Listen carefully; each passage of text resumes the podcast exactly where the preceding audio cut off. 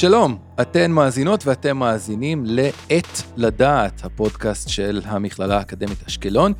הנושא שלנו בפרק הזה הוא טעויות אנוש רפואיות ואיך המעורבות שלנו, המטופלים, יכולה לתרום למניעה ולשיפור באיכות הטיפול. לצורך כך אנחנו מארחים את דוקטור אסנת בשקין, שעוסקת באיכות ובטיחות במערכת הבריאות ומרצה בחוג לבריאות הציבור כאן במכללה. אסנת בשקין, שלום לך. שלום, שלום. אז בואי נתחיל באיזה הגדרה, אנחנו מבינים מה זה אומר אה, טעויות אנוש, כשלא יודע, אנחנו נתקעים אחד בשני בפקק על הכביש, אבל בהקשר הרפואי, מה ההגדרה של טעות אנוש? אז אנחנו באמת מכירים את המושג טעות אנוש מכל מיני עולמות תוכן. אה, בטיחות בדרכים, תאונות בתעופה, כמובן מעולם התעשייה. לביטוי טעות אנוש יש כמה וכמה הגדרות בפרקטיקה של אה, ניהול סיכונים ובספרות המדעית, אה, אבל כשאנחנו מדברים על עולם הרפואה, הגדרות קצת שונות. וזה מאוד מאוד חשוב, כי זה מאיר צדדים אחרים של, שהם ייחודיים בעצם לעולם הרפואי. אוקיי. Okay. אז הדרך הנכונה להגדיר טעות אנוש רפואית, זה אירוע רפואי חריג, שכמעט גרם נזק למטופל, או שגרם נזק למטופל, וההיבט הכי חשוב, שניתן היה למנוע אותו. Mm. זה בעצם הדגש. זה רק בניתוח לאחר מעשה, ניתוח, אה, אני מתכוון, הסקת מסקנות, לאחר מעשה, אנחנו מבינים שהייתה פה טעות אנוש. הייתה פה טעות אנוש, כלומר, אירוע שהיה ניתן למנוע אותו. אה, חשוב לציין שבעולם הרפואה, אה, מטבעו המורכב, מתרחשים הרבה מאוד אירועים חריגים, לצערנו הרב. אבל לא כולם מוגדרים כטעות אנוש. Mm-hmm. יש אירועים חריגים שאי אפשר היה למנוע אותם. אה, כיוון שהם מתרחשים בזמן של ביצוע פרוצדורות מורכבות, אה, מטופלים עם מצבים רפואיים מורכבים, או שינויים דחופים, דינמיקה במהלך הפרוצדורה, אה, ואי אפשר למנוע את האירועים האלה, ולכן הם לא מוגדרים כטעויות אנוש. טעויות אנוש הם אירועים שאפשר היה למנוע אותם.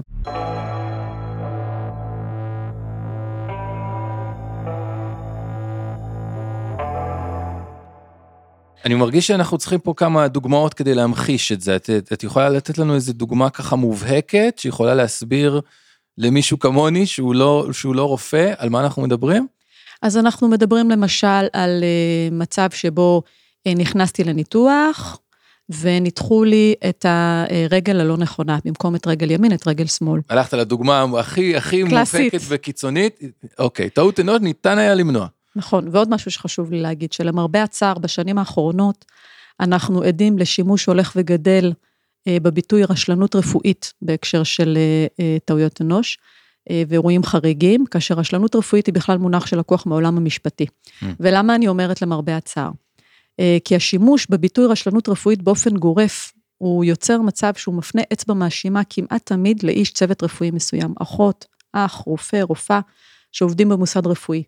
והפניית האצבע המאשימה הזאת גוררת תביעות משפטיות, שגוררות דרישה לפיצויים ו- וכולי, ועוגמת נפש, שאני לא מטילה בשום ספק כמובן, אבל היא לא כוללת למידה ושינוי ארגוני, mm-hmm.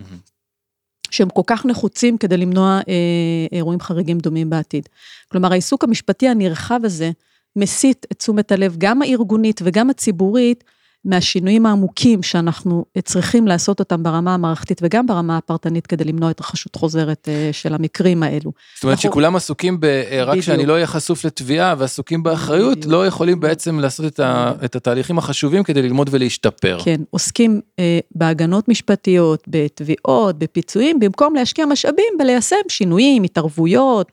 שינויים ארגוניים כדי לשפר את הבטיחות. וריבוי התביעות האלה mm-hmm. גורם לרפואה להיות רפואה מתגוננת, mm-hmm. גורם לרופאים ולצו... אה, אה, ולאחיות, לצוותים רפואיים בכלל, להיות כל הזמן בחשש מתמיד מפני תביעה. אה, להרגיש בושה, להרגיש שזה משהו שהם צריכים להסתיר, וזה לא, לא הכיוון הנכון לשינוי. וזה בטח יכול גם מאוד להפריע להם בעבודתם. עכשיו, אוקיי, המקרה שאמרת, ניתחו למישהו את הרגל הלא נכונה, זה נשמע לי כמו משהו די נדיר, אנחנו קוראים על זה לפעמים בעמודי, בעמודים ככה ההזויים של, של העיתון, אבל כמה זה שכיח באמת, כמה, כמה זה קורה, הדברים האלה ש... אנחנו הגדרנו כטעויות אנוש רפואיות. כן, אז אחד המחקרים הגדולים והמצוטטים ביותר, מחקר שנעשה בארצות הברית לפני כמעט 20 שנה, קצת יותר מ-20 שנה, אה, והמחקר הזה מצא ששיעור המטופלים שנפגעים מטעויות אנוש רפואיות, הוא שקול לשני מטוסי נוסעים שמתרסקים מדי שבוע. זה מספר מאוד מטלטל, ובאמת הממצאים של המחקר הזה גרמו לטלטלה מאוד גדולה במערכת הבריאות האמריקאית, ותדהמה מאוד גדולה בקרב הציבור והממשל, וההדים של המחקר הזה הגיעו עד, ישראל, עד לישראל. גם כאן באותן שנים נעשה ניסיון להבין אה, מה ההיקף של התופעה, אה, ללא הצלחה. אה, אבל מה שמשנה פה אה, זה שמחקרים מהשנים האחרונות שבאים אה, בניסיון לבחון מה באמת השתנה מאז אותו מחקר גדול, מוצאים שההיקף של הטעויות לא קטן, לפחות לא באופן משמעותי. ויש מחקרים ממש מהשנתיים שלוש האחרונות, שמעריכים שטעויות אנוש מהוות היום גורם המוות השלישי בשכיחותו בעולם המערבי. כלומר, אנחנו רואים שעל אף אה, ניסיונות ליישם כל מיני תוכניות התערבות, אה, אין באמת ירידה בשיעור המטופלים שנפגעים מטעויות אנוש, וחלה עלייה מאוד גדולה בתביעות נגד רשלנות רפואית. בישראל אין לנו מידע מקיף ומסודר אה, על הנושא הזה, למרות שיש נוהל שמחייב לדווח למשרד הבריאות על אירועי מוות חריגים. אבל הערכות שונות מעידות על כך שקרוב לוודאי שאנחנו דומים למדינות אחרות בעולם המערבי, מבחינת אה, שיעורי הטעויות. זאת אומרת, מאוד שכיח, אבל ההיקף הוא לא לגמרי ברור. בהחלט. לצערי, אנחנו עדיין נמצאים בתקופה שטעות אנוש רפואית זה נושא שבמערכת הבריאות הישראלית לא אוהבים לדבר עליו. Mm-hmm. לא כל שכן לקחת חלק במחקר שיעריך את ההיקף של התופעה. Mm-hmm. וזה עוד משהו שמצביע על השינוי המעמיק, השורשי, שנדרש בתפיסה הניהולית והמערכתית של הנושא הזה. Mm-hmm. אבל אנחנו לא כאן כדי לדבר על מה מערכת הבריאות יכולה לעשות כדי להפחית את שיעורי התופעה. יש הרבה מה לעשות, ובנושא הזה אנחנו צריכים לדון בפורומים מקצועיים בקהילה הרפואית. אנחנו כאן כדי לדבר... עלינו. עלינו.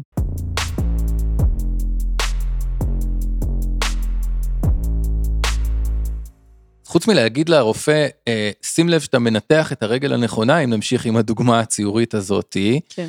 ואנחנו יודעים שהישראלים אה, לא פראיירים, מה שנקרא, ויודעים לתבוע את זכויותיהם, ויודעים לדרוש את מה שמגיע אליהם. אה, מה, מה עוד, או מה אנחנו לא עושים? אז קודם כל, יש לנו צד מאוד גדול והשפעה פוטנציאלית מאוד רחבה על האיכות של הטיפול הרפואי שאנחנו נקבל במפגש שלנו עם מערכת הבריאות. למטופל יש תפקיד מאוד חשוב באבחון של הבעיה הרפואית שלו, בקבלת ההחלטה על הטיפול בו, בבחירה של מי שיטפל בו, וכמובן בלהבטיח את האיכות של הטיפול הרפואי שניתן לו, גם במעקב וגם בהיענות להנחיות של הטיפול, וכמובן גם בלזהות אירועים חריגים שמתרחשים במהלך הטיפול בו. אם אנחנו נחשוב רגע על התהליך שהמטופל עובר מהרגע שהוא אה, מקבל או פונה, פנייה ראשונית, לרופא שלה בעקבות בעיה רפואית, ועד לסיום הטיפול בבעיה, mm-hmm. המטופל עובר כמה תחנות. אנחנו יכולים להסתכל על זה כמו על מרוץ שליחים, שמעבירים את המקל משליח לשליח, ואנחנו המקל, אוקיי? המטופל הוא למעשה המקל, שעובר מתחנה לתחנה, מרופא לאחות, מבדיקה לבדיקה. זה למעשה מרוץ שליחים, אבל אנחנו, היחידים שנמצאים בכל התהליך הזה מתחילתו ועד סופו. אנחנו יכולים לזהות אה, חוסר תקשורת יש לזה, או... יש לזה משקל, יש לזה משמעות מאוד מאוד גדולה. אנשי הצוות הרפואי והסיעודי מתחלפים, אבל אנחנו נמצאים שם לאורך כל הרצף הטיפולי הזה, לאורך כל התהליך. הנקודה הזאת ממחישה לנו את התפקיד המרכזי שלנו בשמירה על הרצף הטיפולי הזה. Mm-hmm. אנחנו שחקני מפתח אה, אה, אה, בתהליך הזה, ואנחנו יכולים לקחת אה, אחריות. תהיו אה, הוועדת ושליטה, ביקורת של האנשים בדיוק, שמטפלים בכם. בדיוק, לקחת אחריות ושליטה באיכות הטיפול בבעיה הרפואית שלנו. ובאמת בשנים האחרונות גוברת ההבנה שהמטופל הוא שחקן מפתח. אה, למשל, בכל מה שקשור לנושא של איכות, שהיא בעצם האחות הגדולה של בטיחות, זה בדרך כלל בא ביחד, איכות mm. ובטיחות, יש הרבה מחקרים מהשנים האחרונות שמראים ממצאים מאוד מאוד חשובים בנוגע למעורבות של המטופל במדידה ובהערכה של איכות שירותי הבריאות. בעולם המדעי קוראים לזה פרומס.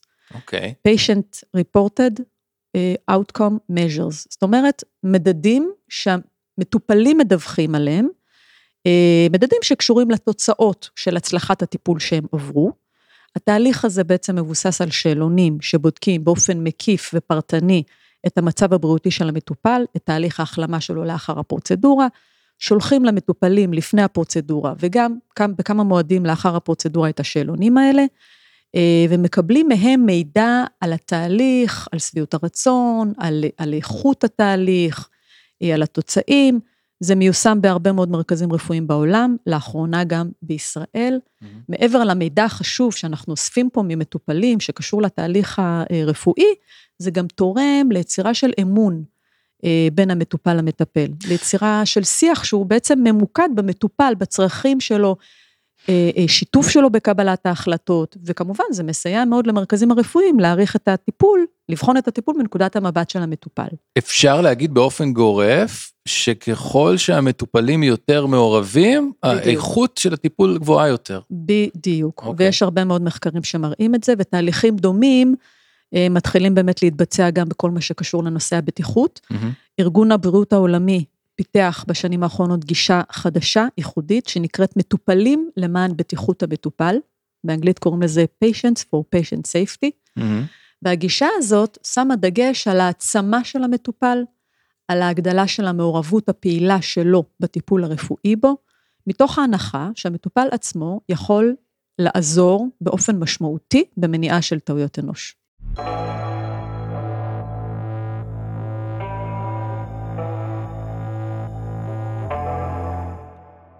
אני אתן לך קצת קונטרה, אה, אומרים המטופלים, סליחה, אתם אנשי המקצוע, אנחנו משלמים לכם כסף בין אם זה פרטי או ציבורי, עכשיו אתם אומרים לנו אה, שאנחנו צריכים לשמור על ה... נכון. לעשות את הבקרת נכון, איכות, מה... נכון, אבל בואו נחשוב רגע, כשאנחנו רוצים לקנות בית, mm-hmm. כשאנחנו רוצים לקחת משכנתה מהבנק, כשאנחנו מחפשים גן לקטנטנים שלנו, בית ספר לילדים שלנו, mm-hmm. אנחנו עושים מחקר מקיף. כן. אנחנו קוראים, אנחנו בודקים, אנחנו בוחנים, אנחנו יכולים לקבל חוות דעת.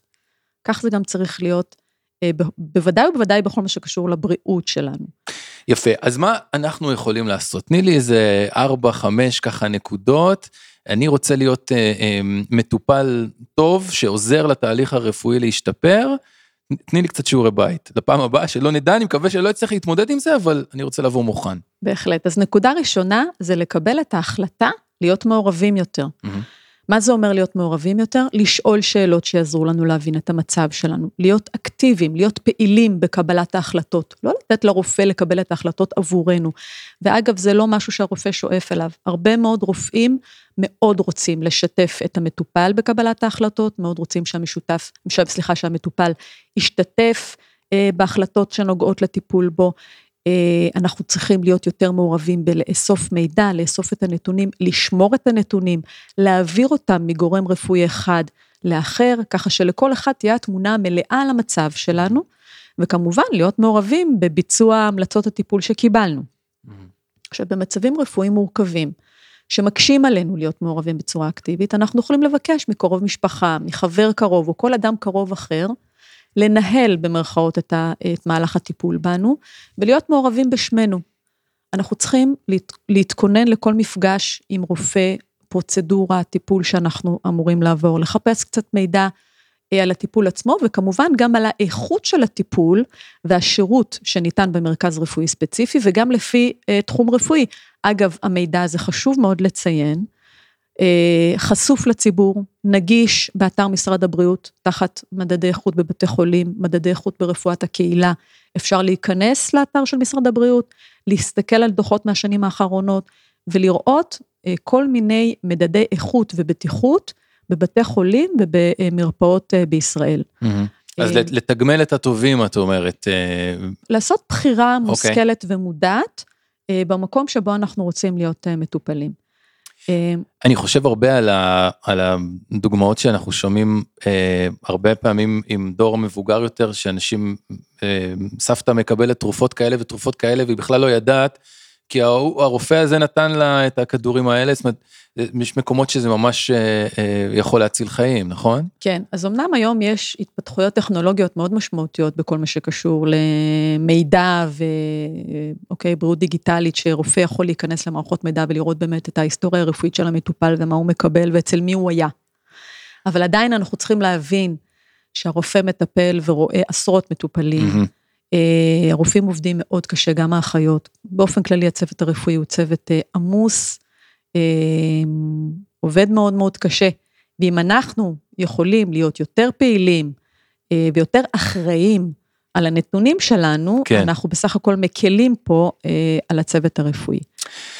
אני לא יודע אם זה קשור, אבל אני לא יכול שלא להיזכר, ממש לא מזמן, אנחנו מקליטים את זה, אני חושב, איזה שבוע אחרי שזה קרה, היה מקרה מאוד מאוד קשה של אלימות בבית חולים לא מזמן, של אנחנו מדברים פה על כמה חשוב שה, שהמטופל יהיה מעורב, שבני המשפחה יהיו מעורבים, אבל אנחנו יודעים שלפעמים אה, אה, בבית חולים, כשהאמוציות הן, אה, הן גבוהות, ויש ממש סכנת חיים, לפעמים הדבר הזה יכול להיות too much, יכול להיות אה, נכון. מוגזם. אז זה מביא אותי לנקודה שנייה מאוד מאוד חשובה, החשיבות של דיאלוג פתוח ומכבד עם מי שמטפלים בנו.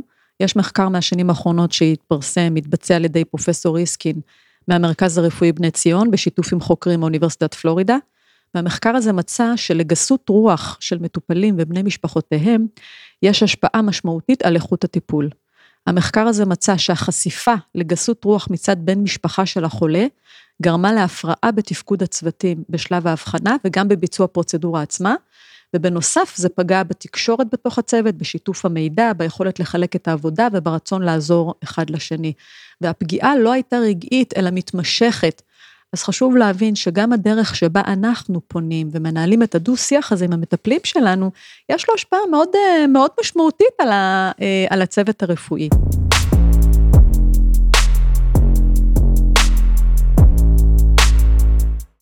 אז אמרנו לעשות, תעשו שיעורי בית, בואו מוכנים, בואו עם הצעות, הרופא או הרופאה, הם רוצים לשמוע את, ה, את ההצעות שלכם או את הדרישות שלכם, נכון. אבל תשמרו על שיח מכבד ו, נכון, ו, נכון. ולא להיות גסי רוח, נכון. כי אז זה יכול לבוא אליכם אה, נכון. בהפוך על הפוך. שתי נקודות נוספות, נקודה חשובה נוספת, להיות ערניים לאופן הטיפול בנו, למשל בנושא של מתן תרופות, לוודא שהתרופה מתאימה לנו. אם משהו לא מובן לנו לגבי המינון, תופעות לוואי, לא לחשוש לשאול, mm-hmm. לוודא שוב מול הרוקח שמספק לנו את התרופה, אה, שבאמת ניתן לנו המינון הנכון, שזה מתאים למחלות הרקע, לרגישויות שלנו. גם במהלך אשפוז או פרוצדורה נדווח על תחושות, על תופעות, אם משהו לא נראה לנו נשאל האם זה תקין. נברר פרטים על מהלך האשפוז, לא נחשוש לעיין בטפסים, במכתבי אה, אה, ההפניה, באבחונים, אפשר לבק... אה, לשאול שאלות, לבקש להשלים פרטים חסרים. אגב, בהקשר הזה, יש באמת מחקר שפורסם לפני מספר שנים, שבחן כמעט אלף חולים באוניברסיטה בקליפורניה, ומצא שמחציתם באינטראקציה שלהם עם מטפלים רפואיים מרגישים בושה, בושה לשאול את הרופאים שאלות.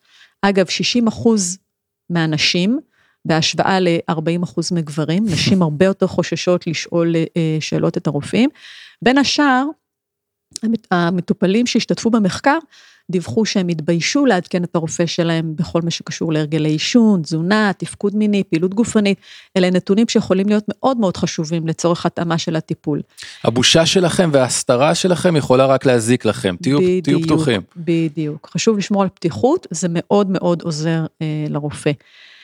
נקודה נוספת, לא לחשוש לבקש חוות דעת נוספת.